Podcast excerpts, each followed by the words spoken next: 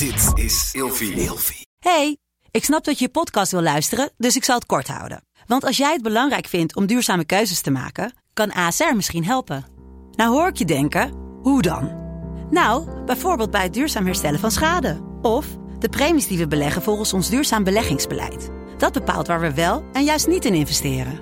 Wil je meer weten over welke duurzame keuzes ASR maakt? Ga dan naar asr.nl slash duurzame keuzes. ASR doet het. Zo, dan kan je nu lekker naar je podcast luisteren. Uh, en uiteindelijk, uh, nou dat is dan al heel erg moeilijk voor hem te verhapstukken. En uiteindelijk komen dan de ouders van Tom bij hem en die zeggen van luister, um, we weten dat, uh, dat, dat zijn, zijn mensen alles voor Tom waren. Dat, dat was hij daarmee bezig. Dat, hij, dat als er iemand had moeten gaan, dat hij het moest zijn. Mm. Dus als, als er iets met jou is, als wij jou ooit kunnen helpen, dan horen we dat heel graag. Ja, en dat, dat, was, dat maakt op mij zoveel indruk, omdat dat zo'n uh, ja, zoveel menselijke waardigheid is. Als je op zo'n moment, als je net je, je zoon verloren hebt, dat je dat kan opbrengen. En dat je zo uh, je kan opstellen en aan de ander denken. Ja, ik weet wel dat ik wel echt even met een brok in mijn keel uh, bij hem aan de keukentafel zat toen ik dat vertelde.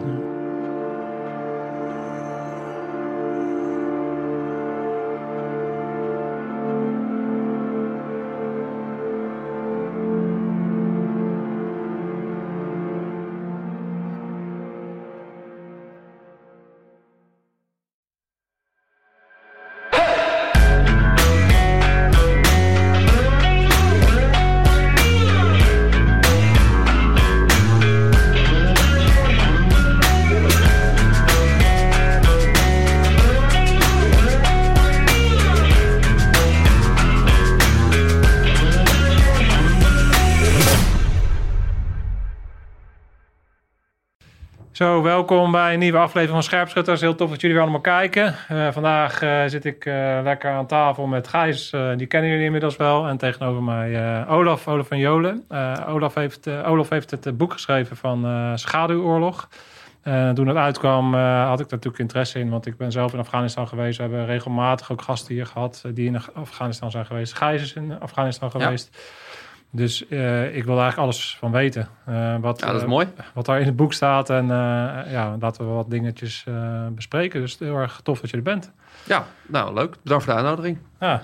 Nou ja, voordat, we, voordat we zo meteen starten, kan jij eens heel kort jezelf introduceren? Wie, wie ben je en wat heb je allemaal gedaan en hoe heeft dat geleid tot het schrijven van dit boek? Zo, dat is een serieuze laag. nou, ik ben Olaf van Jolen, ik ben 46 jaar oud. Um, mijn baan is, mijn normale fulltime baan is uh, defensieverslaggever bij, uh, bij de Telegraaf. Dat betekent dus dat ik uh, bijna mijn hele week bezig ben met het volgen wat er gebeurt bij, bij onze krijgsmacht. en een klein beetje over de grens kijkend in, in andere krijgsmachten. en dat, dat leidt tot, tot verhalen op onze site, in onze krant, podcast ook. dat doe ik heel intensief samen met mijn collega Sylva Schoonhoven, de co-auteur van Schaduwoorlog Oeruzgan. Silvan is onze specialist op het gebied van uh, terrorisme, uh, jihadisme en, en volgt de, diensten. Hoe kom ik in, in deze hoek terecht? Um, ik heb een verleden ook als, als defensieverslaggever een aantal jaar geleden. 2005, 2008 heb ik dat gedaan voor het Algemeen Dagblad. in die tijd ben ik zelf ook embedded in Afghanistan geweest toen. Um, en een aantal jaar geleden kwam, uh, uh, toen ik al bij de Telegraaf werkte, het, het, verzoek van... joh, zou je het leuk vinden om die defensieportefeuille weer te gaan doen? Uh, en dat vond ik heel, heel interessant. en, en zeker voor de Telegraaf is het, een, is het een fantastisch pakket om te doen... omdat het voor, voor ons een heel belangrijk onderwerp is om, om te volgen. Ja. en andersom zie je ook dat, dat de Telegraaf een krant is die, die bij heel veel... Uh, uh, militairen gewoon een, uh, ja, hun krant is, ze lezen de Telegraaf. Mm. Waardoor je ingangspositie daar heel vaak wel goed is. Ja, ja mooi. Als je een stapje terug gaat, heb jij dan een idee van waar komt dan die interesse van Defensie vandaan? Is dat, is dat vanuit jouw jeugd gekomen of hoe kan je daar wat meer over vertellen? Ja, nou, ik, ik, ben, um, um, ik ben sowieso erg geïnteresseerd in, in techniek. Dat, dat vind ik heel tof. Nou, er zit natuurlijk aan, aan de krijgsmacht een, een flinke technische kant. Uh, ik ben uh, destijds eigenlijk bij toeval uh, gevraagd als defensieverslaggever bij het AD. Zat hem ook in het feit dat, uh, dat, dat toen de ploeg die daar zat allemaal wat, wat, wat oudere mensen waren al. Net zo oud als ik nu ben misschien. Maar, dus dus nou, kwam eraan. en, en het idee was van, nou, we willen iemand hebben die het ook leuk vindt om, om te gaan reizen. Om die uitzendingen mee te, mee te maken. Er waren niet zo heel veel andere mensen die daar zin in hadden. Ik vond het heel tof. Um, en ja, zo ben ik in, in dat wereldje geraakt. Ja, en, en ik vond dat meteen heel interessant. Um, weet je, je, ziet dat, dat de, de portefeuillehouders bij ons Um, als je een specialisme uh, krijgt, dan moet het wel iets zijn wat een beetje bij je past. Ja. Um, ik zou bijvoorbeeld zelf uh, niet heel erg geschikt zijn als zorgverslaggever, want ik, ik kom niet heel graag in ziekenhuizen. Daar, daar voel ik me nooit heel gelukkig. Ja. Uh, je moet een beetje een klik hebben met, met de cultuur, met, met het soort mensen. Um, en ja, eigenlijk vanaf het begin af aan dat ik, dat ik bij Defensie binnen kon kijken, heb ik me daar altijd wel, wel op mijn plek gevoeld. Ik vind de, de mentaliteit van militairen prettig. eigenlijk heel streed van oké, dit is wat we gaan doen, dit is de afspraak. Een afspraak is afspraak. En als je daaraan houdt, dan, dan kan er heel veel. Ja, ja nice. En Olaf, je zegt dat je embedded bent geweest en uh, je volgt eigenlijk de krijgsmacht op de voet. Uh, what about? Had je niet uh, zelf de dienst willen nemen? En als je een dienst had willen nemen, want je hebt natuurlijk een aantal boeken geschreven, zowel over de landmacht, de luchtmacht, als ook een stukje marine. Welk krijgsmachtdeel zou je dan het beste thuis passen? Ja, nu moet ik natuurlijk heel politiek antwoorden. Oh, dat heb ik nergens. nee, um, ik, ik, ik denk niet dat ik overdreven geschikt was geweest als, um, als militair. Uh, ik ben toch best wel eigenwijs. Uh, ik heb geen vrees. Er zijn er meerdere hier aan tafel. nee, maar ik, ik, ik, laten we zo zeggen, ik heb geen moeite met autoriteit. Hè, want ook, ook in, een, in een journalistieke organisatie is er ja. gewoon hiërarchie. Uh, en, en kan je heel erg je eigen gang gaan tot een bepaalde hoogte. Ja. maar ik, ik denk niet dat ik daar, dat ik daar heel erg voor in de wieg gelegd ehm, zou zijn. Ik, ik denk dat ik het moeilijk zou hebben gehad met, met de grootte en het bureaucratische van een, uh, van de krijgsmacht. Uh, hmm. ik, ik weet gewoon dat ik mezelf heel erg op mijn gemak voel in een, in een, in een kleinere, flexibele organisatie. waarin je gewoon snel eigenlijk dingen kan oppakken en kan doen naar eigen inzicht. Um, en ja, weet je, ik, ik bedoel, ik ben ook niet. ik, ik, hou van sporten, maar ik ben ook niet. Ik ben geen, ben geen ultra-mens wat dat betreft. Um, Andersom, ik, ik had wel, ik ben net, uh, ik ben nog wel goedgekeurd destijds. Ik ben nog wel gekeurd voor dienstplicht. Uh, ja. En tegen de tijd dat ik uh, klaar was met schooljournalistiek, was, die, was die opgeschort. Dus, dus ik hoefde niet meer. Maar ik had het best leuk gevonden. Dat, ja. dat denk ik wel, ja. En welk krijgsmachtdeel dan, als je moest kiezen? Ja. Je moet kiezen. Je moet kiezen. Je moet kiezen. 3, 2, 1. nou, ik, ik, laat het diplomatiek zijn. Ik denk dat ik dan wel dat ik het wel heel tof had gevonden of uh, bij het Korps Mariniers te kijken of bij, uh, bij, bij Luchtmobiel of, of, of, of toch KCT. Weet je, die hoek vind ik wel heel interessant. Waarom? Ja. Um, wat ik aan die eenheden allemaal tof vind, is dat je ziet dat, um, dat het bijna de lui die daar rondlopen, het tegenovergestelde is van wat een hoop mensen denken dat een commando is. Of Toch denken dat het is. Leg, leg dat eens uit. Nou ja, ik wil toch het klassieke beeld van een marinier, hè, van een mars of marinier uh, of, of van, een, van een commando. Dat ze alleen maar hard kunnen lopen en zo, dat bedoel je. Ja, we hebben een podcast over gemaakt, heb je het gezien? nee, ik, heb, ik heb het gezien. Ja, ja mariniers, mariniers lopen eerst en gaan daarna denken. En commando's denken eerst en beginnen dan met lopen. Dat is een beetje de... de ja, precies. Ja. Ja, nou, samenvatting. Nee, maar ik, het leuke is dat natuurlijk eigenlijk het, het, het toffe is dat je ziet dat zeker in die, in die speciale eenheden, dat het juist eigenlijk heel vaak hele ja, rustige jongens zijn, kalme jongens. En ook de, de, de interviews die ik nu gehad heb, dat is eigenlijk allemaal eerder wat bedachtzamere lui, rustiger uh, zijn. Um, en dat vind ik wel leuk. En, en daar, daar zie je ook wel natuurlijk de creativiteit van, van uh, op, op allerlei manieren het, het zien uh, uit te knobbelen. En dat vind ik wel heel gaaf. Dat vind, vind ik mooi. Maar ik, ja, ik, ik denk wel dat ik een soort. Uh, niet zozeer over talent, maar geboren journalist in de zin van mijn karakter past heel erg bij dit type werk. Onderzoekend en nieuwsgierig. Ja, dat, dat en, en het leuk vinden om, om zeggen, overal over de vloer te komen. Maar dan blijf je wel altijd een gast. En dan kan je ze zeggen, de ene keer een welkome gast zijn, de volgende keer wat minder. Ja. Um, Autonomiteit, belangrijk voor jou? Ja, vind ik, vind ik ook heel fijn. Gewoon dat uh, uh, je, je, komt er. Het, ik vind het heel leuk om overal achter de schermen te kunnen gluren. Ik was een grapje gemaakt met de vorige uh, commandant strijdkrachten. Ze van ja, eigenlijk uh, naast, naast, uh, naast de CDS ben ik een van de weinigen die op zoveel verschillende plekken komt en daar kan rondkijken.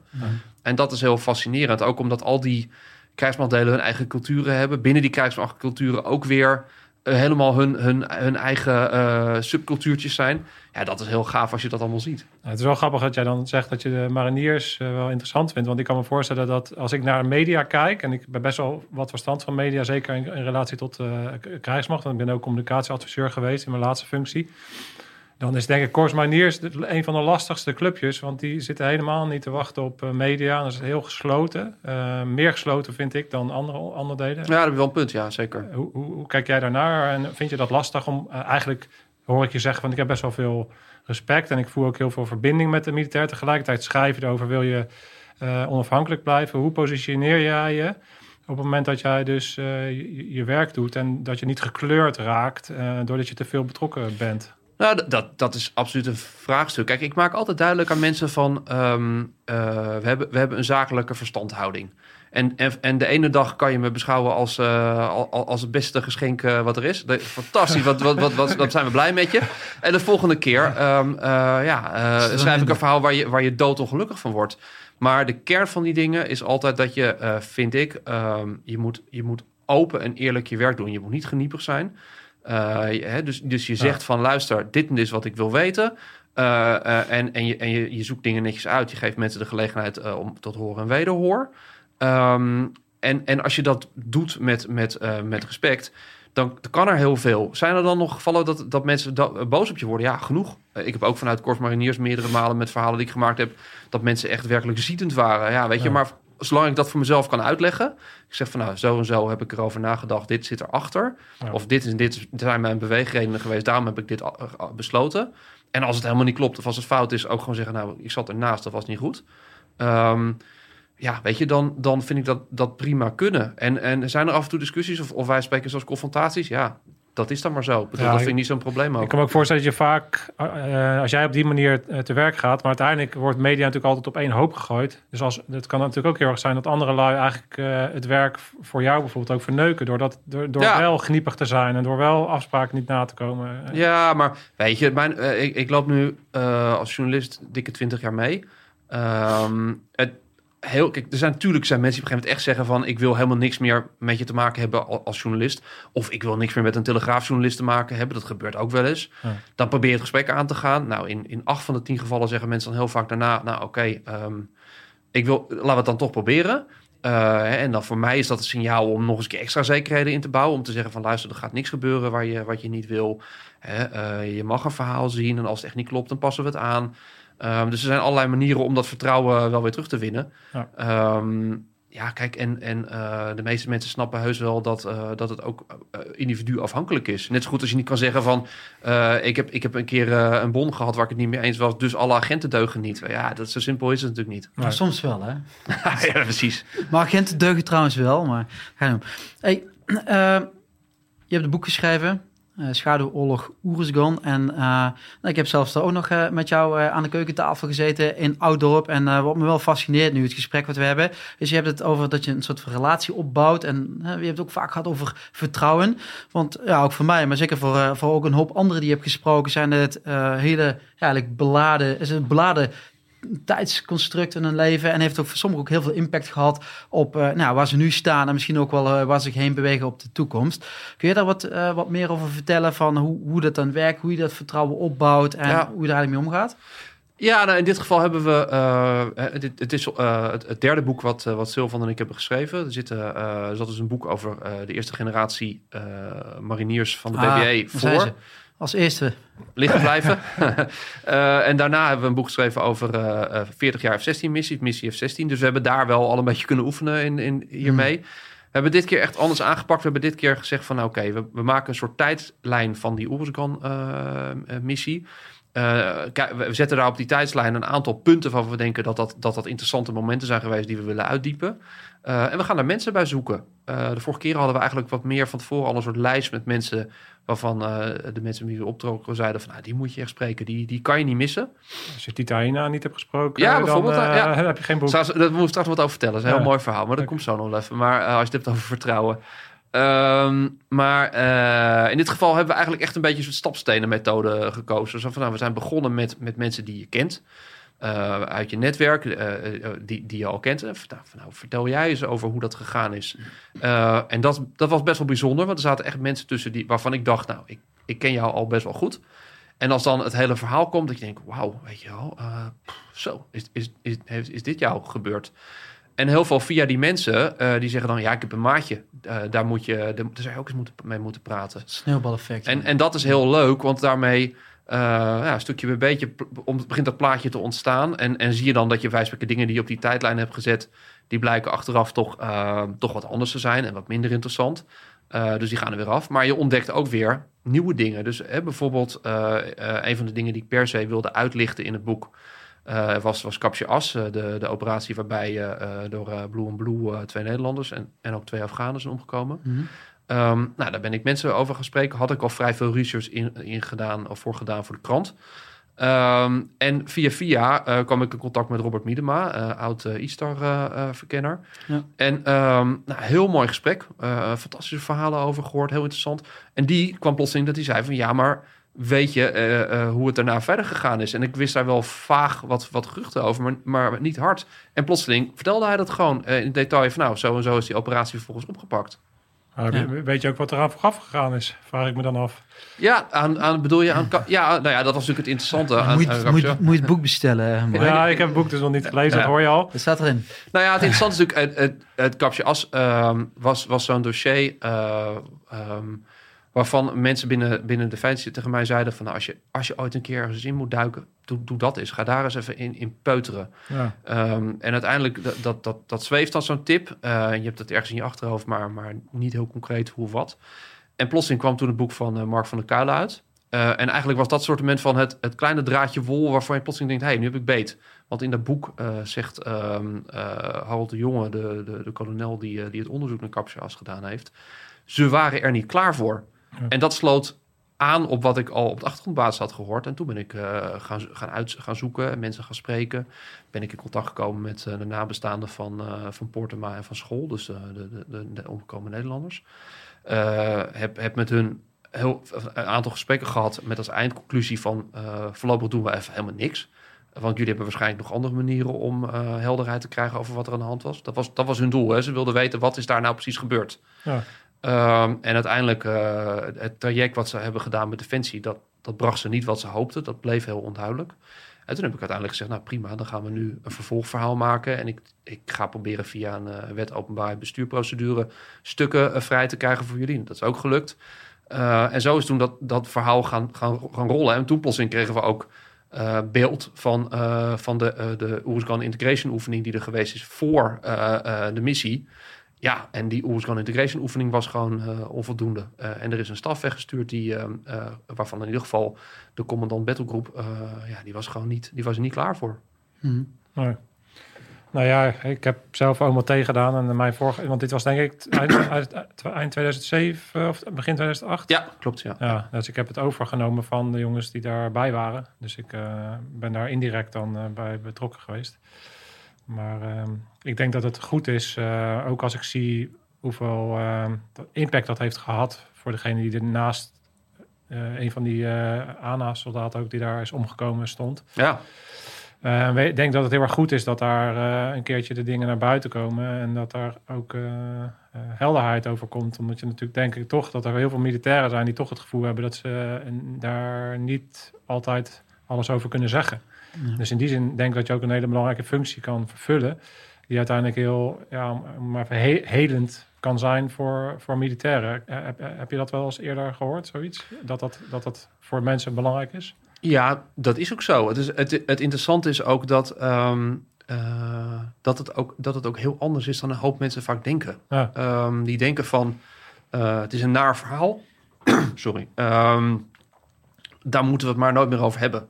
Dat is beter voor nabestaanden. Die willen dat er vooral, uh, laten we er stil over zijn. Dat is denk ik, zeker op de korte termijn is dat nou ook wel zo. Ik, bedoel, ik heb zelf uh, in, in de periode van Oeruzgan, toen ik verslaggeving deed, altijd geweigerd om aan te gaan bellen bij familieleden van gesneuvelden. Omdat je gewoon weet, het heeft geen enkel nut op dit moment. Die mensen zijn totaal van de wereld af. En het laatste waar ze zin in hebben is een man met een klapblok die aan de deur komt rammelen. Ja. Want die gaan daar ook niks zinnigs over zeggen. Daar komt, daar komt niks uit wat, wat toevoegt. Maar zoveel jaar later kan dat wel heel anders liggen. En um, dan vinden die mensen, die nabestaanden, maar ook mensen die, die zelf heftige dingen hebben meegemaakt, ondervinden vaak dat, uh, uh, dat niemand meer in dat verhaal geïnteresseerd is eigenlijk. Dat ze denken van ja, uh, het, het boeit niemand meer. Terwijl als jij dan daar aandacht aan besteedt, dat verhaal probeert op een goede manier te reconstrueren en, en op te schrijven, dat dat eerder een soort gevoel van erkenning is van dat hun eh, het is een beetje therapeutenjargon, maar dat Ja. hun verhaal er mag zijn. Ja. En dat, Ja. en dat is, en dat is eh, heel wezenlijk. En, en eh, daarom ook. eh, ik, ik heb met bijvoorbeeld met, de- met, met, een, met de nabestaanden van, van Aldo Portema nog veel contact. Eh, en zij vinden het fijn. Zij vinden het fijn dat, dat, dat, dat er nog aandacht voor is.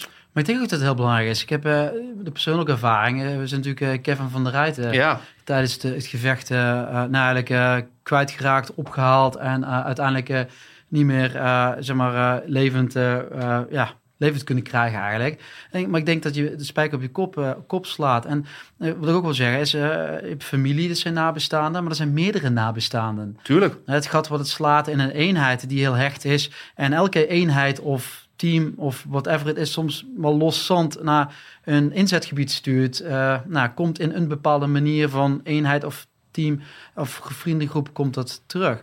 En ik denk ook altijd dat, eh, laat ik zo zeggen, als eh, we een verhaal zouden maken waarbij dat geen onderdeel uitmaakt van het geheel, zou het eigenlijk een soort van gemis zijn. Dus ik denk wel degelijk dat dat, eh, dat, dat heel belangrijk is.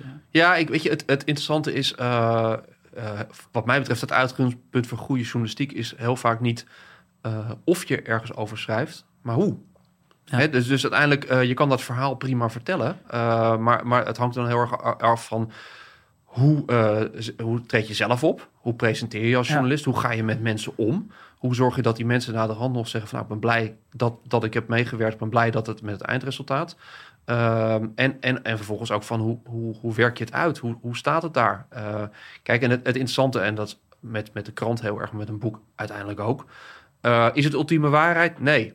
Het is de waarheid zover als je die kan reconstrueren. Ja, ja, Ehm, en en eh, zo moet je dat boek ook zien. Kijk, ik bedoel, wij hebben geprobeerd, eh, zeker bij een aantal eh, momenten, bijvoorbeeld Kapsje As, maar ook de Slag om Chora, om zoveel mogelijk bronnen te raadplegen, om zoveel mogelijk mensen te spreken. Waarbij we een soort uitgangspunt hebben gehanteerd van bij twijfel steken we niet over. Dus op het moment dat, je, dat iemand een bepaalde claim doet over iets, er is geen secundaire bron, dan zeggen we nou oké, of iemand zegt nee, het is echt heel anders gegaan, dan gaat het eruit. Heeft het het boek eh, niet gehaald.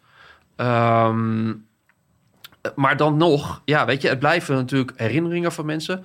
En, en de wetenschap is daar heel, eh, heel hard in. Ja, vanaf een, een half jaar na, na dato gaan jouw herinneringen vervagen. Gaan die anders worden? En gaan die. Ja. Dus dat, eh, gelukkig hebben we dan, eh, heb je natuurlijk schriftelijke bronnen. Ja, we hebben after action reports gelezen. Eh, maar goed, ook daar zit weer, als je niet oppast, zit interpretatie op. Van, van wat, wat bedoelt een auteur daarmee? Ehm, dus ja, is het ultieme waarheid? Nee, maar het- we, we, je probeert er zo dicht mogelijk bij te komen. Ik had daar heel erg veel moeite mee. Ik heb het niet helemaal gekeken, want ik heb het afgezet. Maar ik heb die, die Slag om Chora was ook zo'n eh, documentaire. Sinan mij. Khan, ja. Ja, ik had daar heel veel moeite mee, want dan dan kwamen die Afghanen aan het woord. En ik heb daar natuurlijk ook een half jaar gezeten met Afghanen en kon alleen maar gesprekken gevoerd. Ja, En ik weet hoe die lui eh, praten en wat ze, wat ze vertellen. En dan, ja, dan kwam natuurlijk alleen maar uit van wat er, wat er allemaal eh, hun overkomen was. En Mhm. Ja, ik heb dat soort verhalen zo vaak aangehoord. En eh, daar zit maar zo een eh, klein stukje in van hoe het echt is geweest. Hè. Er wordt vaak allemaal verdraaid. Uiteindelijk omdat ze heel erg goed zijn. Eh, ik, ik zie zelf de Afghaanse bevolking zoals ik ze heb meegemaakt... dat ze best wel opportunistisch zijn. Dus ze weten heel erg goed wie de sterkste partij is en hoe ze... ja. Nou ja, met, met reden. Het is waarschijnlijk de enige manier om te overleven. Ja, het In- is, in- geen, in- is ja, geen, is geen ja. waardeoordeel van... Nee, maar, van, dat maar kijk, het is heel logisch. maar- dat, ja. Maar dat is wel hoe het daar werkte. En omdat het keiharde omgeving was natuurlijk. En ze Ja. natuurlijk al jarenlang in oorlog zaten. En ze natuurlijk heel, heel erg eh, handig waren geworden om verhalen zo naar hun hand te zetten. Dat ze dus daar het beste uithaalden. En dat haalde, had ik heel erg... Dat ik dacht van ja, dit is ook wel makkelijke journalistiek. Want als je naar, naar dat gebied toe loopt en je gaat wat lui eh, de juiste vragen stellen... dan krijg je deze verhalen zo. Maar wat er van waar is, en dat is de koppeling met wat jij net vertelde... Daar, vraag, daar heb ik dan heel erg mijn twijfels over. Ja. Maar interessant, je zegt, eh, Mark. Kijk, wat ik wel leuk vind, ik heb, eh, ik heb je boek zo goed als, als doorgelezen. En wat ik wel leuk vind, wat, wat jullie doen, is hier en daar ook de verschillende perspectieven, verhalen eh, laten leven. En wat ik bedoel te zeggen is, kijk, ik heb zelf wat van die dapperheidsonderscheiding. Ik heb nog meer eh, onderzoeken meegewerkt als eh, getuige op dapperheidsonderscheidingen. En je hebt erover, Olaf, dat bijvoorbeeld een half jaar nadat de, de feiten daadwerkelijk hebben plaatsgevonden, dat je, je- brein dat gaat opnieuw gaat moduleren en dat er misschien iets anders uitkomt dan het is. Maar ik zou je veel- veel sterker verstellen, mijn observaties en ook in die trajecten daarna, is in het moment zelf waarbij je in gevechtscontact treedt. Dus waar, waar bijvoorbeeld als ik aan de ene kant van het muurtje sta, bijvoorbeeld hier zo, hè, ik aan Ja. deze kant van het muurtje sta en jij aan die kant van het muurtje, let op hè. Dus mijn perceptie is dat we in een hinderlaag zitten die 360 is, want ik zie de kogels overal om mij inslaan. En waar bijvoorbeeld eh Harold in eh, 2006 met de Viper en met hè, die, die, die grote aanslag hè, met die, die hinderlaag, wat ook in 9-11 Zulu zit. En Harold stond aan de andere kant van het muurtje. En die, nou, toen we terugkwamen, was Harold ontzettend pissig eigenlijk op eh, alle troepers van, van Viper. Weet je waarom? Harold had geen schot gelost. Hij zei, dat is fucking bullshit. Er, was, er was wel vijand, maar ik, heb, ik ben nooit in de situatie eh, geweest om een gericht schot af te geven. Nee. En dan komt hij. Terwijl de ander. eh, ja, de- nou, er is een, een, een eh, onze, onze tolk en ook nog een, een ANA-strijder. Heeft Vic Frank mooie foto's voor gemaakt. Terwijl twee medics hè, van Robin en Bart hem aan het behandelen zijn. Er zijn foto's van. Wordt, die Afghaan wordt zeg maar, door zijn lichaam heen getroffen. Ja. Dus, dus over de perceptie. En weet je wat, wat, wat, wat ja, best wel het, ja, moeite, of moeite groot woord, maar wel een beetje gestruggeld van hoe moet je het dan, je ermee omgaan. Is dat eigenlijk iedereen gelijk heeft. Ja, maar dat is ook zo. Dus je moet. ehm, eh, je kan dus nooit op basis van één eh, spreker zeggen van zo was het. Nee. Je, je, Ja. je, moet die, eh, je moet die spreker waarderen op zijn waarneming. Ja, dat is het. Eh, en, en, dat, ze- eh, en die waarneming is natuurlijk eh, inmiddels ook al tien jaar oud, ruim, of soms wel ruim tien jaar Ja. oud. Dus dat kan ook weer vervaagd zijn. Dat kan ook weer vervuild zijn door, zonder dat iemand het zelf beseft, maar dingen die vrienden van hem verteld hebben, of, of maatjes, of die die ergens gezien heeft. Ehm, en, en dat is ook niet erg, maar, maar je moet daar dus heel erg eh, rekening mee houden hoe je dat weegt. En, en een van de beste voorbeelden daarvan is natuurlijk het hele proces wat er is geweest rondom eh, de mariniers van de Punt. Ja. Ja, die, die, die verklaringen, daarvan zei, eh, we hebben, ik heb er ook een verhaal over gemaakt voor de krant. Daarvan zijn deskundigen van, joh, het is volkomen kansloos om die lui nog te horen. Het heeft helemaal geen nut. Het Ja. is 40 jaar geleden. Wat zij nog kunnen reproduceren, eh, ja, dat, dat is eh, vanuit, laten we zeggen, wetenschappelijk oogpunt, ook dus op- opsporingswetenschappelijk Ja. gezien, is het waardeloos. Een Dus soort, daar heb je echt socialisering. En dat is een copingmechanisme. Alles Ja. wat in je hoofd in de gang Ja, staat. gesprek op gesprek op gesprek. En je gaat natuurlijk alles een beetje aanpassen ook. Ja, Dus En, dat is, dat is gewoon heel tricky. Ehm, kijk, en, en eh, nou ja, wat, je, wat je probeert te doen, eh, is, is de verschillende eh, perspectieven schetsen. En, en daaruit ontstaat een beeld. Ehm, ja, en dat is zullen we zeggen, de best practice wat je, die je hebt. Maar het Ja. is wel heel interessant. Want het leuke is bijvoorbeeld, we hebben bij de reconstructie van Kapsje As... hebben we lui gesproken eh, vanuit alle perspectieven. We hebben mensen gesproken die, die echt aan de, aan, de, aan de ene kant van het operatiegebied zaten... en de andere kant, en in het geval van, eh, van Roy de Ruiter, die, die erboven vloog. Ehm, ja, en het interessante is dat, dat het zijn allemaal mensen geweest die bij die operatie betrokken zijn geweest. Het is een operatie die voor al die mensen een hele wezenlijk is geweest. Ja. En toen ze die reconstructie lazen... Vullen de kwartjes op een plek. nou ja, het interessante, want eh, Ja. ik zei het hadden over eh, Robert Miedema, een van zijn goede vrienden, Mark Hamming, die zat aan de andere kant van het Ja. operatiegebied. En terwijl ze elkaar voor mij een paar keer per week nog steeds spreken. En die zei: Ik heb nooit geweten dat het bij Mark precies zo gegaan is.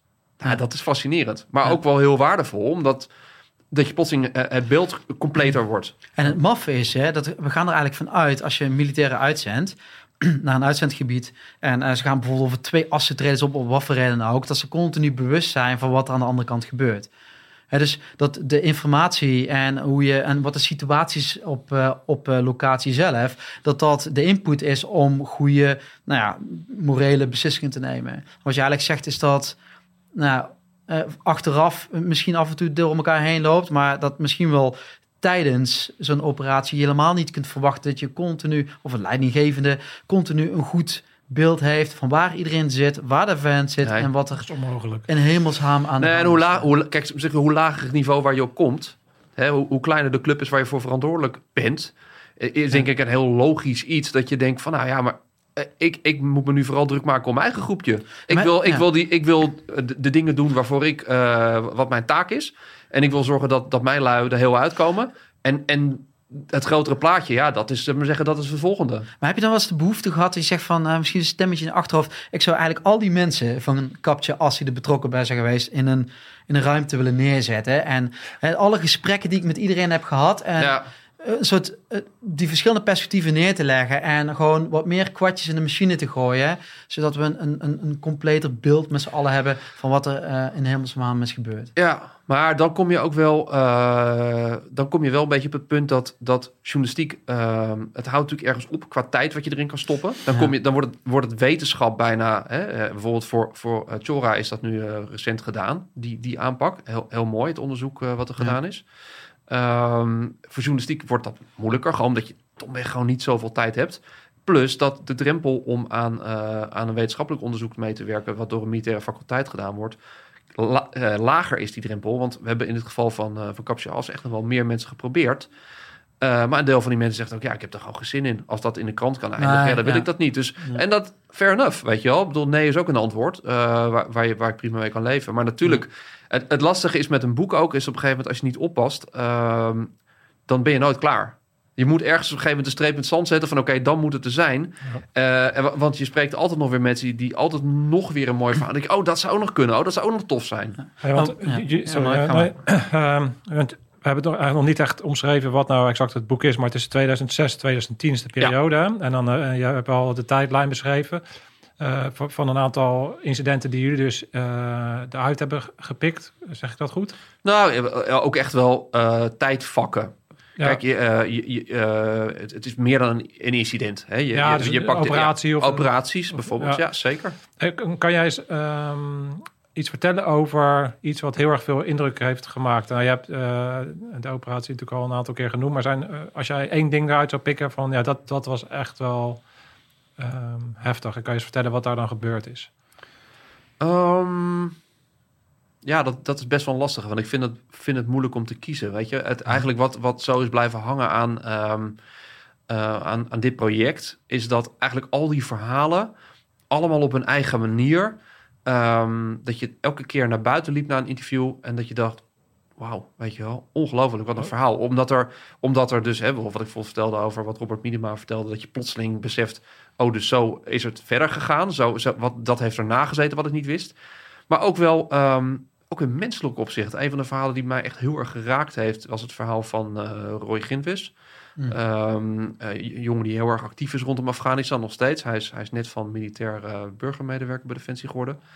En Roy had een uitzending naar, uh, naar Derenwood. Kwam daar en, en toen was echt de stemming... Nou ja, je kan daar gewoon in de tierenrut zwemmen. We, we, nemen een handdoekje mee en we kunnen lekker baantjes trekken. Zo rustig was het daar. Um, en, en eigenlijk zat er bijna teleurstelling in hem. Van, is dit het nou? Ga, gaat dat het nou? Weet je wel? Uh, en, ja. en dat begrijp ik ook wel. Ik denk van ja, maar ja, nu zou het toch echt worden? En vervolgens aan het einde van zijn periode, hij had nog, nog helemaal niet zo lang meer te gaan, gaan ze op een voetpatrouille. En uh, staat hij vlakbij uh, luitenant uh, Tom Christ tijdens de, de, zelfmoordaanslag, die uiteindelijk Christ zijn leven kost. Um, en hij vertelde dat zo gedetailleerd en, en dat maakt indruk. Maar wat voor mij toen nog het meeste indruk maakte van dat verhaal is dat hij vertelde dat ze dan. hij wordt, wordt naar, naar Nederland, komt in het Centraal Militair Hospitaal terecht. En zijn moeder komt bij hem en zegt: um, Roy, um, gaat niet goed met de luitenant. Waarschijnlijk gaan ze de behandeling stoppen? Uh, redt hij het niet? Hij wordt dan heel boos op zijn moeder. Hij zegt van ja, maar dat kan toch helemaal niet? En je, lult het je nek, dat, dat, kan niet. En vervolgens komt er een, een defensiecollega en die zegt... Ja, Roy, um, ja, dit is wat het is. Uh, het is gewoon klaar. Hij overleeft het niet. en uiteindelijk, nou, dat is dan al heel erg moeilijk voor hem te verhapstukken. En uiteindelijk komen dan de ouders van Tom bij hem en die zeggen van luister, um, we weten dat uh, dat, dat zijn, zijn mensen alles voor Tom waren. Dat, dat was hij daarmee bezig. Dat, hij, dat als er iemand had moeten gaan, dat hij het moest zijn. Mm. Dus als, als er iets met jou is, als wij jou ooit kunnen helpen, dan horen we dat heel graag. Ja, en dat, dat, was, dat maakt op mij zoveel indruk, omdat dat zo'n uh, ja, zoveel menselijke waardigheid is. Als je op zo'n moment, als je net je, je zoon verloren hebt, dat je dat kan opbrengen. En dat je zo je kan opstellen en aan de ander denken. Ja, ik weet wel dat ik wel echt even met een brok in mijn keel uh, bij hem aan de keukentafel zat toen hij dat vertelde. Mm. En, en dat soort, voor mij zit, zit de kracht van het verhaal, laten we zeggen, heel vaak niet in het kinetische element. Mm. Het zijn vaak veel meer de, de, kleine details, de dingen dat je plotseling denkt, holy shit, weet je wel, dit, dit, dit komt even binnen. Dat zijn misschien ook wel de elementen die in een, in een wetenschappelijke publica publicatie juist missen.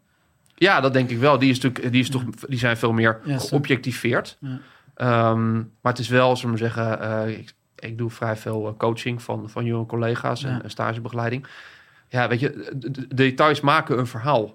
Eh, dat, dat je dat plots, dat je denkt van, nee, dat, dat, daardoor blijft het, blijft het hangen, ook in je geheugen. En wat mij heel erg veel indruk heeft gemaakt is ook een eh, Patrick Kammaert. is een, voor mij altijd een soort mythische figuur, figuur, Logisch. figuur geweest binnen, binnen het Corps Mariniers. Blijft een manier, hè? Ja, ja behoorlijk ja. Een goeie. Ja, goeie ook, ja. Nou ja, Wat- maar hij noemt dat dan de Kammaert-methode. en dat betekent eigenlijk niks meer dan dat als jij een rapportage schrijft... dus jij bent ergens in een gebied... dat je dan ook met geuren en kleuren en, dat en, een, en een menselijk... op een menselijke manier de dingen opschrijft zoals ze zijn. Ja. In plaats van dat je een soort methode opschrijft... of dat je, dat je, dat je heel erg klinisch eigenlijk dingen... dat je, dat je gewoon me- dat je beschrijft hoe, hoe de lijken roken... eh, of, of eh, weet je, hoe, hoe, hoe, hoe eh, uitgemergeld de kinderen waren... en dat je dat echt omschrijft omdat je daar alleen maar op die manier eigenlijk de lading kan eh, overbrengen... zo goed als dat je dat kan bij de mensen die dat op een hoger niveau eh daarover gaan. Ja, Dus, dus die, ja, dat is wel interessant. Van, van, ja, die, die menselijke kant is dus eigenlijk, eigenlijk een van de meest essentiële dingen. En tegelijkertijd missen we dan dus dat waarschijnlijk in, eh, in, in de wetenschap. Ja, maar u- ja, überhaupt, als je gaat kijken naar het hele construct van eh, oorlog, hè, of het nou eh, vredes, eh, vredesmissies zijn voor de VN of eh, Afghanistan, wat, nou, wat meer typologeren als een oorlog, het blijft uiteindelijk een menselijke twist. ja, Dus het, het gaat wel degelijk over de interactie tussen mensen. En, en nou, wat jij ook aangaf, was bijvoorbeeld het verhaal met eh, de Afghaanse partner.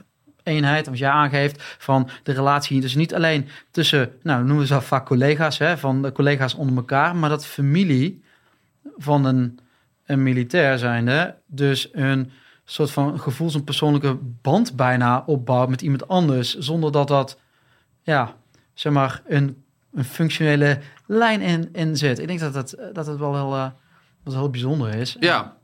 En, eh, maar ook wel dat eh, we vaak, eh, nou, als we hier ook aan tafel zitten, dat wel eens vergeten. Hè? En zeker hoe verder we komen richting de beslissingen die we nemen om krijgsmachten in te zetten, is dat natuurlijk altijd gaat over die gevoeligheden. En kijk, als je het over Afghanen hebt, wat mij bij is gebleven van de Afghanen waar ik mee heb gewerkt, ook een partnereenheid onder gehad, is van, oké, deze mensen zijn zo ontzettend weerbaar. Als ik ergens moest kiezen, hè, Sophie's Choice, ik zou een atoombom in een samenleving af moeten laten gaan. en eh, ik eh, had mijn eigen leven erop moeten verwedden. Hè, dat ze er weer bovenop zouden komen, dan zouden het misschien wel deze mensen zijn. ja. Hè, weerbaar. En ik, soms ja, doet me wel eens pijn als ik in de krant lees van... oké, al die eh, militairen, die Afghanen rennen allemaal weg... en wat voelen ze zich wel Afghaan? Ja, misschien iets minder Afghaan. Maar wat wel heel belangrijk voor hen is... dat is precies wat we net over hadden, Olof... is die familie en weet je, de relatie die ze ook soms met jou hebben. Want ik heb, wat ik met mijn Afghanen, ja, moet niet zo zeggen, zijn niet van mij. Maar degene met wie ik gewerkt heb, die waren wel bereid om zeg maar hun eigen belang ondergeschikt te stellen aan dat, niet alleen dat van hun, hun kameraden, maar ook dat van mij en mijn mensen. Ja. Nou ja, weet je, het, het, een van de thema's die, die uit het boek heel duidelijk naar voren komt. Eh, en, en dat is natuurlijk de afgelopen weken heel veel aan de orde geweest na, na de val van Kabul. Is ook het, het verregaande onbegrip hier in het Westen voor de Afghaanse maatschappij. Ja. Kijk, en is er maar van, het is hartstikke mooi. Wij, wij zijn hier, eh, we hebben hier heel veel principes. En we, en we, we hebben heel erg het idee dat we allemaal precies weten hoe het moet. Ehm, maar dat zijn wel principes die wij ons kunnen veroorloven. Omdat we allemaal een dak boven ons hoofd hebben. eh, eh, omdat we elke avond eh, vrij gemakkelijk warm kunnen eten. Ja. Om- omdat we over het algemeen niet heel regelmatig voor ons leven hoeven te vrezen. Ehm, kom je in een maatschappij waarbij al die zekerheden er niet zijn... of een stuk minder zeker zijn... dan is de logische keuze dat je opportunistischer moet zijn. En dat je dus ja, minder principe vast kan zijn. Domweg omdat je die principes helemaal niet kan veroorloven. Andere spelregels. Ja. Ja, totaal anders. Ja, en dan waren wij denk ik als Nederlanders nog wel redelijk... als je het vergelijkt met, met de Amerikanen... in ieder geval wel in staat en wilden we ons ook wel inleven in die, eh, in die maatschappij... en in wat daar gebeurde. Dat gevoel had ik in ieder geval wel. Als ik zag hoe de aanloop was naar missies... en hoe mensen daarmee omgingen en hoe ik daar zelf mee om ben gegaan... was wel de wil er om te begrijpen wat er, wat, hoe, hoe die maatschappij in elkaar zat... en hoe de mensen in Ja. elkaar zaten. Ondanks dat zelfs toen ik daar wegging... nog steeds het idee had van... nee, ik begrijp het nog steeds niet... Uh, maar ik heb wel continu de wil gehad om te begrijpen van hoe werkt het nou en hoe kan ik nou uh, in dat systeem en in die maatschappij zoveel mogelijk van waarde zijn uh, tijdens mijn uitvoering zonder te, te veel, helemaal voorkomen doe je het niet te veel, maar westerse ideeën daar dan op te drukken. Ik, ik, denk dat dat heel erg daarbij helpt. Dus dat wij eh, eh, Nederlanders, eh, omdat je uit een klein land komt, dat je heel erg gewend bent om überhaupt je aan te passen en te bedenken dat, dat wil je kunnen meedoen in het grotere systeem van de wereld. Dat je überhaupt een beetje moet schipperen en het anders, dat je beter moet bedenken van hoe, hoe wil die andere het of wat, wat, wat vindt die andere belangrijk. Ja. Dus dat heeft ons denk ik geholpen. En je ziet ook, en dat is een hele interessante lijn die we ook hebben gezien, is dat eh, in die missie ehm, eh, het kennisniveau in het begin heel, heel beperkt was. Bedoel, letterlijk, eh, we hebben in het boek Piet van der Sar, overste die de, die de verkenningen heeft gedaan en die, ehm, die ook de eerste commandant battlegroep was, die gewoon eerlijk zegt van, joh, we hadden net de boeken gelezen over counterinsurgency. Eh, en, en ik mocht het woord aan het begin helemaal niet gebruiken, omdat ze het te agressief vonden. Ja, en dat- En, dus, dus, weet je, en, en pas door de jaren heen eh, eh, is, is er een soort meer collectieve kennis gekomen over, over de lokale situatie, maar ook hoe je, doe je dat eigenlijk, een counterinsurgency voeren? Eh, wa- waar moet je op letten? Wat is belangrijk? Ehm, dus, dus ook, en, en je ziet ook eigenlijk wel na een jaar of twee, dat, dat dan eigenlijk dat het, dat het allemaal veel beter begint te marcheren. Eh, en dat het ook meer geborgd begint te raken. Dus dat is ook een hele interessante ontwikkeling. Logisch, want de officieren die daarheen gestuurd waren, ja, dat waren lui die toch een, een, vaak een koude oorlogachtergrond hadden. Wat peacekeeping missies hadden gedraaid op de Balkan. Ja, dat is nog steeds mijlenver verwijderd van een counterinsurgency in een land als Afghanistan. Ja, super interessant. Zeker eh, ge- gezien wat natuurlijk altijd interessant is als je naar militaire eh, apparaat kijkt, is dat je ehm er al zoveel kennis was, maar elke keer als bijvoorbeeld Amerikanen de kennis van, eh, van Vietnam hebben, dat die inmiddels verwaterd is op het moment dat ze het weer nodig hebben. En dat, Ja. weet je, en dat, dat, dat op een of andere manier we dus elke keer, doordat we elke keer de nieuwe oorlog vaak een andere oorlog is dan de voor, oorlog daarvoor, dat we dan elke keer dezelfde fouten maken. Ja. Dat, dat idee heb ik heel Ja, erg. super maf, hè? Dus we zouden met z'n allen gewoon adaptiever moeten zijn en ons niet vast moeten framen aan wat we nu een beetje weer doen van eh, near peer en peer competition. En nu moeten we weer grootschalig kunnen optreden tegen eh, Rusland en eh, eventueel eh, tegen China. En precies wat je zegt, een mooie documentaire op Netflix over, Generals, van eh, Rex is dat. En het gaat eigenlijk precies hierover, hè? Dat, eh, dat zeg maar eh, de officieren die eh, de leiding hadden over Vietnam groot waren geworden in hè, dus hun, hun gevechtservaring erop gedaan in de Tweede Wereldoorlog in Korea, conventioneel conflict en counterinsurgency. De officieren zeg maar, die de leiding hadden over Desert Storm, wat eigenlijk een conventioneel conflict is, hun roots hadden liggen in een counterinsurgency Ja. in Vietnam. En dan komt hij, hè? Dus degene, de, degene die de leiding hadden over en een, een, een design, hoe, hoe doe je dit? Hoe, hoe bereid je die invasie voor die campagne voor eh, Irak en Afghanistan? Wel eigenlijk degene die groot waren geworden in, ehm, in Desert Storm, die conventionele oorlog. En de allergrootste valkuil zou nou misschien wel zijn dat mensen alle zeggen, oh, counterinsurgency is geweest, is passé, daar moeten we van af, we moeten weer enemy-centric worden en wie is de vijand? En we moeten weer met, met artificial intelligence en technologie. En nou ja, ook dat moeten we kunnen, denk ik. En we moeten naar space en de maan. En dan hebben we een EMP en een grote kanon nodig op de maan. Dat soort dingen meer. Maar ik denk, in die end, mijn les van, van, van het geheel is... uiteindelijk blijft de menselijke twist. En eh, precies misschien wel wat jij ook zegt, eh, Olof... en waar je ons vandaag weer eh, met de neus op de feiten drukt. Het gaat dus wel om die kleine details. Het gaat dus over het menselijke aspect in, in zo'n conflict... En of het nou conventioneel, hybrid warfare, hyper warfare of whatever eh, in de name, wat voor saus je er gooit. Uiteindelijk gaat het wel over de mensen voor wie we het doen en voor de mensen die het doen. En dat we altijd eh, in de verhalen die we tijdens, eh, nou, achteraf, maar misschien ook wel met een boek zoals jou vertellen, dat we die menselijke maat, eh, die menselijke aspecten, in ieder geval altijd ja, daar voor het voetlicht in brengen. Ja. Ja, en, kijk, dat is voor ons natuurlijk ook de drijfveer, los van het feit dat het gewoon journalistiek hele mooie projecten zijn om, om je in vast te bijten en, en waar je heel veel plezier aan beleeft om het te maken. Ehm, maar is ook het, het, het, het vastleggen van dat verhaal. Eh, en, en we hebben dat ook heel erg veel plezier gehad met, eh, met, met het, met het BBA-project wat we gedraaid hebben. Eh, het besef van, oké, dit zijn mensen die er nu allemaal nog zijn, maar over een aantal jaar misschien niet meer. Mhm. Ja, en dan, dan hebben we in ieder geval dat geboekstaafd. Mhm. En het zijn ook hele mooie verhalen, ook voor een veel bredere doelgroep. Want het grappige is, uh, ik hoor heel vaak mensen die zeggen van... Nederland is geen militair land, er is geen interesse in. Nou, dat, ik, ik geloof het niet. Want het Ja. interessante is dat mooie verhalen over mensen. eh, ehm, weet je, die, die, die vinden, vindt een veel grotere groep mensen vinden dat interessant. Eh, en, en ons doel is ook altijd, we schrijven de boeken eh, zodat ze leesbaar zijn voor de professionals, maar ook zeker voor eh, ja, iemand die helemaal niet zo ingevoerd is, maar die toch eh, hopelijk gepakt wordt door, door dat verhaal en denkt, eh, goh, wat, wat een bijzondere gasten eigenlijk die dat doen en, en, en eh, wat, wat, wat, wat, wat fascinerend. Ja. Nee, ik ben er heel erg benieuwd, want een van jouw belangrijke vragen die in jouw boek naar voren komt, is natuurlijk: is de prijs die wij betaald hebben in Afghanistan, dan heb ik het over al het leed wat daar natuurlijk eh, ontstaan is. Bij de, bij de andere partijen is dat veel groter, maar ook bij onszelf. We hebben mensen gehad voor het eerst die zijn gesneuveld. We hebben heel veel gewonden. We hebben mensen die zowel fysiek als mentaal eh, enorm eh, bes- beschadigd zijn.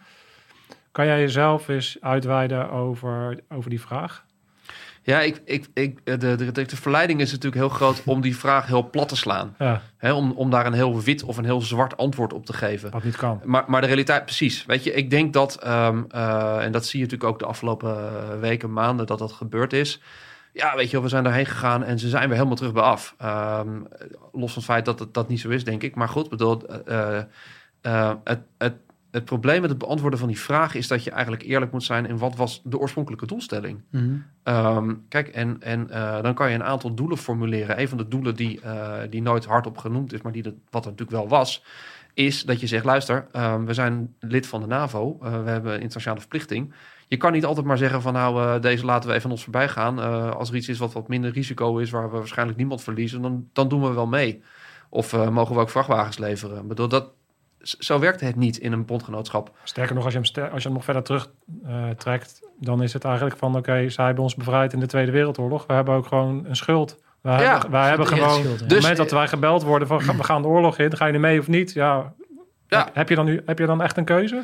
Nou ja, ik, ik, ik denk dat het goed is geweest dat Nederland eh, op dat moment zijn verantwoordelijkheid gepakt heeft. En eh, daarmee zeg je niks over eh, de zin of onzin van die missie. Maar puur als je bekijkt vanuit bondgenootschappelijk de rol die we daar spelen. Ja, is het succesvol geweest. Nederland heeft daar een periode goed gepresteerd. heeft, heeft daardoor ook politiek eh, leverage gekregen. Heeft, heeft kunnen meespelen in, in, in de eredivisie. Ook, ook eh, in, in, in de grote buitenlandpolitiek. Dus ja, dat was succesvol. En dan is het heel cru om te zeggen van dat waren 25 levens waard. Dat, dat kan je niet zeggen. Maar gewoon puur van was het het waard? Ehm, ja, vanuit dat opzicht wel. Ga je kijken naar resultaten, dan, dan denk ik ehm, dat, ehm, dat het, dat het eh, triest is te constateren dat, dat om de missie verkocht te krijgen, politiek. Hè, de missie is natuurlijk met name richting de PvdA destijds heel erg aangekleed als wederopbouwmissie om, om maar de instemming van die partij te krijgen. Ehm, daarmee is eigenlijk een, een verwachtingspatroon gecreëerd wat zo hoog was, waarvan iedereen die een beetje verstand van zaken heeft van tevoren ook kan beseffen, ja, dat gaat hem niet worden. Als je, als je twee, in eerste instantie eh, twee jaar mensen wegstuurt, het werden er vier, eh, dan kan je niet verwachten dat het na die vier jaar, dat dat land wat, wat in sommige opzichten bijna zich in de middeleeuwen bevindt, dat dat vier jaar later plotseling een, een, een democratie en een westers voorbeeld is. Met een, met een rechtsstaat die helemaal all, singing, is. Met rechtspraak eh, naar ons voorbeeld, eh, waar, waar de corruptie is weggewerkt. Nee, maar dat, dat no way. Dus, je- dus dat je- is ook niet, niet fair geweest. Als je op die manier redeneert, want zeker nu eh, liegen in de, in de politiek is natuurlijk aan de, aan de orde van de dag en wordt, lijkt steeds normaler te worden. Ehm, als, je, als je dan op die manier kijkt naar verantwoordelijkheid leggen, hoe, hoe, hoe, hoe kijk jij daarnaar? Als er dus politieke partijen en politieke mensen eigenlijk zijn die willens en wetens eh, dingen anders voorspiegelen dan ze zijn om een bepaald resultaat te halen en vervolgens de eh, gevolgen zijn dat er dus 25 eh, eh, ouders eh, zonder hun kinderen zijn, nabestaanden zonder hun kinderen zijn. Hoe kijk jij daarnaar en, en hoe wij daarmee omgaan als land? Nou ja, ik, ik vind dat heel kwalijk. Ik bedoel, ik, het, ehm, ik denk dat mensen best wel eh, bereid zijn om veel te accepteren. eh, mits het verhaal wat erbij verteld wordt eerlijk is. Eh, en, en als dat verhaal eigenlijk kiert, als eigenlijk van het begin af aan iedereen al aanvoelt van ja, dit, dit is gewoon een, een politieke werkelijkheid die gecreëerd wordt, terwijl de, de buitenwereld al eh, echt wel wist dat het anders zat, ehm, dan voelen mensen zich vreselijk bedonderd. Ja. Kijk, ik denk dat ook een nabestaande eh, ergens ook wel eh, zal beseffen van ja, luister, mijn zoon eh, heeft gekozen voor een, een, een leven binnen de krijgsmacht. Ja. En, en eh, tuurlijk ga je ervan uit dat je eh, helemaal gelukkig en wel FLO haalt. Maar het kan zijn dat dat niet gaat lukken. Dat je, dat je, dat je ernstig gewond raakt of erger. Ja. Ik denk dat mensen daar heus wel een end in kunnen meekomen. Maar al- als je voelt van... er zit ergens een verhaal onder wat niet eerlijk is... dat dat heel kwalijk is. Dus het- ik bedoel, ik ben het heel erg eens met het pleidooi van, van Gijs... een collega Mirjam Grandia. Die zegt van, weet je wel... eh, wees aan de voorkant eerlijk. Zeg eerlijk van, luister, dit is wat we gaan doen... Ehm, eh, en, en wees ook aan het einde eerlijk. Eh, naar Brits voorbeeld. Doe gewoon een kritische evaluatie op alle levels. Dus het, bestuurlijke level, maar ook het militaire level. En zeg gewoon: luister, dit is goed gegaan en dat is niet goed gegaan. Daar is niks mis mee. Het, het evalueren van, van, van, van je werk, dat, dat is in alle lagen van de samenleving heel gewoon. Ehm, en eh, het is ook niet erg als dingen eh, eh, een keer niet goed gaan. Maar ik bedoel, wees daar gewoon eerlijk en open over. En dan kan je er hopelijk van leren. Ja, dat is Ja. interessant hoor. Want eh, kijk, oorlog blijft een, een messy business. Ja, En eh, ik denk soms wel eens als ik bijvoorbeeld eh, terugdenk aan vroeger, hè, dan keek ik stiekem eh, Call of Duty en dat mocht niet van mijn ouders. Hè, dan ging ik, dus eh, daar is het misgegaan. Ja, misschien wel. Nee, maar wat ik wil te zeggen is, mijn eigen ervaring is, ik zeg niet dat Call of Duty een goede, eh, ik ben niet in Vietnam geweest, eh, maar goed, maar niet, zeg niet dat het een goede representatie is van hoe het is, maar de ruwheid die erin zit, hier en daar, is wel degelijk eh, een van de observaties waar ik mee terugkom, dat het wel degelijk zo ruw kan zijn. En als we kijken naar, eh, we komen niet in, eens in de buurt bij een film als A Private, eh, Saving Private Of eh, De Langste Dag, waarbij eh, Amerikanen en eh, Engelse, Canadezen, ook nog wat Nederlanders en Polen uit de landingsvaartuigen naar voren rennen, het uh, machinegeweervuur in. Dat zeg ik niet. Maar naar de ervaring die ik heb gehad, ik ben ook benieuwd hoe jij erin zit, Mark. Ik kan een deel van die ruwheid en wat het uiteindelijk, de impact die dat heeft, wel degelijk voor de geest halen. En ik denk ook wel dat onze samenleving die ruwheid ook wel eh, nou, in die zin accepteert. En het grootste, ja, precies wat Mirjam Grandia altijd eh, goed zegt, eh, is als je een, een gladde, een fluwele wereld projecteert en de praktijk is dat die, dat die ruw en, eh, en, en pokdalig is en dat soort zaken, dan dat, dat soort van frictie. En dat moet je uitleggen. En als je het niet goed uitlegt, dan creëert dat eigenlijk een wereld van verhalen. En uh, een soort, soort weerstand waar we z'n allen niet blij van worden. Ja, natuurlijk ook, weet je wel, en, en dat snap ik zo ontzettend goed onder veteranen frustratie. Dat, dat, dat zij zoiets hebben van, joh, maar jullie zien ons, of jullie ziet mij als, als dit. Hè? Je ziet mij als de man die naar Afghanistan ging om waterputten te slaan en scholen te bouwen. Maar, maar weet je, ik heb daar gewoon uh, met grote regelmaat moeten vechten voor mijn leven. En, en dat dat dat het schuurt, dat dat op een gegeven moment vreselijk gaat storen. Ik bedoel, wees daar, wees er open en eerlijk in. En mijn, mijn idee is dat, dat uh, het electoraat, de kiezer, veel meer um, uh, aan kan dan, dan er vaak op politiek niveau gedacht wordt. En, ja. en zelfs mensen die, bedoel, een van mijn, uh, van mijn collega's, Daniel van Dam, ik ben mijn eerste keer in Afghanistan, was hij, uh, was hij daar ook, voor een ander medium nog. Uh, hij was ook bij de boekpresentatie. Op die boekpresentatie hadden we een soort klein forum van, van veteranen die vertelden wat, wat ja. hun verhaal was, heel kort. Daniel kwam, kwam naar me toe deze week en hij zei... Jezus, dat was ik weer ongelooflijk onder de indruk van, van dat verhaal wat zij deden. Terwijl hij is meer dan gemiddeld ingevoerd. En ook voor hem was het weer een eye-opener om, om dat verhaal te horen. Ja. Uh, dus weet je, die verhalen zijn zo waardevol voor degene die ze doen... maar ook voor de mensen die ze horen, omdat het, als het goed is... Uh, dat mensen meer beseffen van uh, ja, wat, wat, wat de enorme verantwoordelijkheid is die mensen op zich nemen door, door dat te doen. Toch die kamerad-doctrine, hè? toch een manier die iets goed verzonnen heeft. Geur, geur en kleur uh, ja, hoort bij het verhaal. Ja. Ja, ik denk ook niet dat er een commando is geweest die zoveel mensen heeft aangestuurd. Dus die moeten jullie dan nog maar even nadoen. Hè? Heeft hij commandoopleiding gedaan? nee, oh. dat weet ik niet misschien wel. Ja. Misschien wel, even uitzoeken. ik denk het wel. Ik weet wel dat er een legendarische uh, foto was dat hij met zijn baret uh, uit het water kwam, omdat hij met de kickforce, uh, kickforce opleiding bezig was. En dan, echt van die ouderwetse foto's. wel mooi, ja. mooi om te zien. Hey, um, ja, mooi. Mooi uh, ja, hoe je dat allemaal kan vertellen. Ik ga in ieder geval met heel veel interesse jouw boek ook, ook lezen. En ik ben ook heel erg benieuwd uh, wie van de kijkers het boek al uh, heeft gelezen en wat jullie ervan vinden. Laat dat vooral ook. Uh, ja, vind weten. ik ook wel tof om te horen. Absoluut. Ja. Die, die feedback is, is voor ons waardevol. En, en, want het maf is, ik, ik heb dat in een mail aan de collega's gezegd na het eerste boek wat we publiceerden. Een boek schrijven is toch een beetje alsof je met een, een onderzeeboot onderweg bent, weet je wel. En dan is die presentatie is, een, is toch een beetje het moment waarop je dan waarop je boven water komt en, en waarom, waarop, waarop het plotseling echt is. Dan, dan is het er en dan gaan mensen daar wat van vinden. Uh, en dan is het heel gaaf om te horen wat, hoe mensen dat gezien hebben. Omdat je soms zelfs iets teweeg brengt waarvan wij... Waar je zelf helemaal geen, geen, geen weet hebt. Of waar je dat helemaal niet mee rekening hebt gehouden. En dan is het mooi om voor mensen die, die reacties te horen. Omdat zeggen, iets maken, iets schrijven is toch ja, dat is heel solistisch. Je doet dat op je zolderkamertje en, en de buitenwereld is daar ver vandaan. Dus eh, tof. Ik ben ook heel benieuwd uh, als mensen zijn uh, naar de comments op, op hier. Ja. Nou, wanneer is zo'n project nou voor jou dan een succes? Als je specifiek naar, naar dit boek kijkt, Schaduwoorlog. Uh, is best wel een lang traject, intens project. En nu is het natuurlijk heel erg mooi dat je, ja, dat je inderdaad die feedback krijgt. Hoe kijk jij, um, hoe hoop jij dat het, dat, het, dat het gaat lopen? En wanneer is het voor jou zoiets een succes? Um, het, voor mij is het succes als ik denk dat we. Uh, dat, we, dat, we, dat, we, uh, dat het verhaal echt staat, dat het klopt, dat, dat, dat we geen, geen vreselijke uh, dingen gemist hebben of geen vreselijke grote missers gemaakt hebben.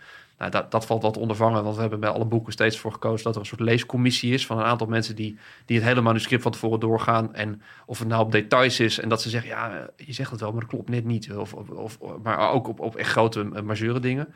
Dus ook deze keer hebben we daar echt met dankbaarheid van gebruik van gemaakt. Um, ja, voor mij is het pas echt succesvol als mensen zeggen van, ja, dit, dit, dit is zoals het was. dat is heel belangrijk. Want uiteindelijk, wij blijven toch die buitenstaanders uh, als auteurs.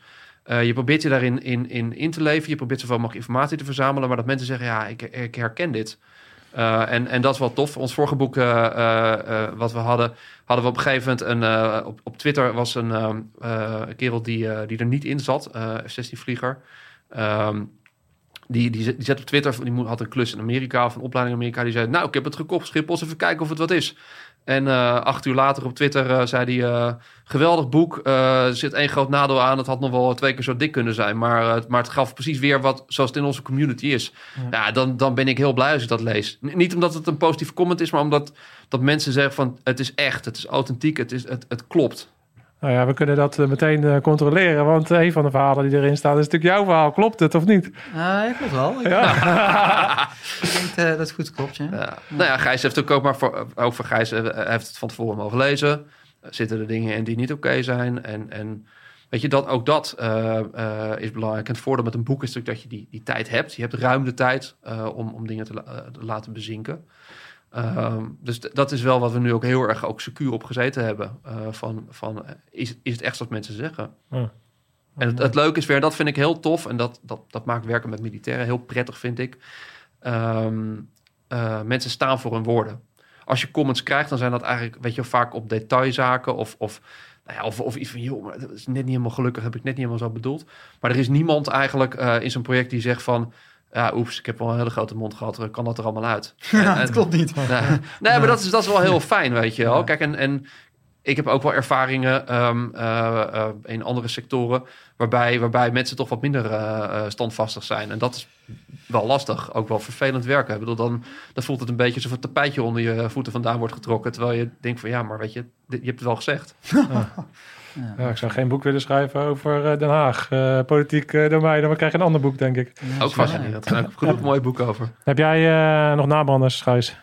Nee, ik vind het gewoon heel leuk dat je er dat je bent, uh, bent geweest, uh, Olof. En ik zou zeggen van als je in Afghanistan bent geweest of als je er niet in bent geweest en je hebt er interesse in, lees het. En volgens mij had ik op LinkedIn volgens mij ook een opdracht weggezet van het nemen van beslissingen is eenvoudig. ervoor staan is net iets anders. En ik denk ook dat als je jonge beleidsambtenaar bent of je hebt die interesse of je zit in het, in het buitenlandse zakenpool. dit is een boek wat hier en daar de rauwheid van het beleid, de beslissingen die je misschien nu of in de toekomst neemt, uh, weergeeft. En ik denk dat het altijd relevant is om dat uh, tot je te nemen. Ja, dat is goed te horen. Ja. Uh, daar kan ik me alleen maar bij aansluiten. Ik vond het heel erg tof om hier aan tafel te, te, hebben. En bedankt voor het delen van je verhaal. Ja, graag gedaan. Ik vond het, ik vond het net zo leuk. Top. Ja, want jij hebt ook een podcast, toch zelf? Zeker. We hebben ook bij Telegraaf een, een Defensie podcast, Delta Tango, waarbij we uh, ook elke week uh, een thema oppakken. Uh, maar dat is, wat, dat is breder. Hè? We doen daar zowel defensieonderwerpen als internationale veiligheidsonderwerpen. we hebben bijvoorbeeld, ik noem wat, naar aanleiding van het laatste NCTV-analyse... heeft mijn collega daar heel uitgebreid verteld wat er speelt... en, en hoe bepaalde achtergronden zijn. Dus ook dat is een absolute aanrader. zonder, zonder beeld. Wij, wij doen het gewoon ouderwets met alleen de stem. Maar ook ja. dat is een, een aanrader. Nou, uh, ga dat vooral uh, checken dan. Ik, ik ga dat zelf ook even een keer checken. Ik heb nog nooit uh, geluisterd, dus ik ben benieuwd. en inderdaad, ja, bij ons ook de, de helft die luistert gewoon via de audio. Soms mm. is het gewoon, toch, heeft het toch ook wel wat om de, om de gezichten te, te zien. Dan oh, absoluut, ja. op, die, op die manier. Maar uh, ja, nou, heel, erg, heel erg bedankt. En uh, nou, misschien uh, tot een volgende keer. Heel graag. Want ook het boek van de BBE ga ik ook nog een keertje, lezen. Aangezien ik zelf ook commandant ben geweest, pelotonscommandant geweest daar, ga ik dat wel even een keertje checken. Dus wie weet kunnen we daar nog een keer wat over doen. Absoluut. Altijd, ik vind het altijd leuk om terug te komen. Top. Alright, hey, jongens, bedankt voor het kijken. Laat vooral je comments achter en vergeet niet te abonneren. Daarmee help je ons om nog meer van deze gave podcast te maken. En dat was hem. Tot de volgende keer. Scherpschutters. Uit.